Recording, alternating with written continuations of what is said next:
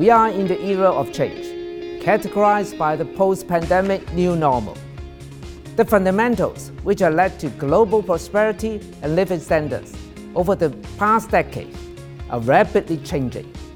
We can no longer rely on old methods to address new disruptions.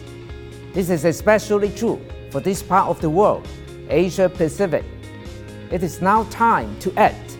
This year is the first ever virtual conference for the AFF. It continued to be an excellent platform for getting important insights from a host of heavyweight speakers. Among the many ideas on reshaping the world economic landscape, the key message has been very consistent.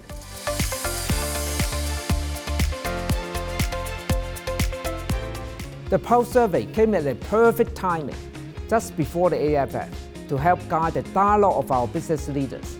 The survey captures the latest views of business executives on the topic of financial market integration in the GBA.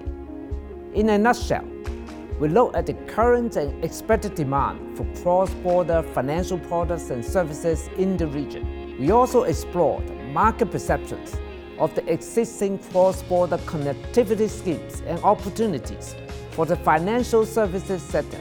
Most importantly, we obtained business insights about the vital role that Hong Kong plays in the GBA in the next five years.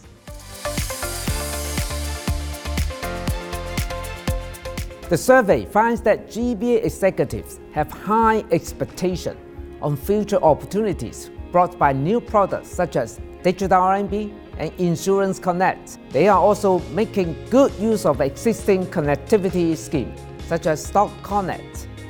Relaxation of capital controls and enhancement of cross-border investment protection are vital steps for improvement.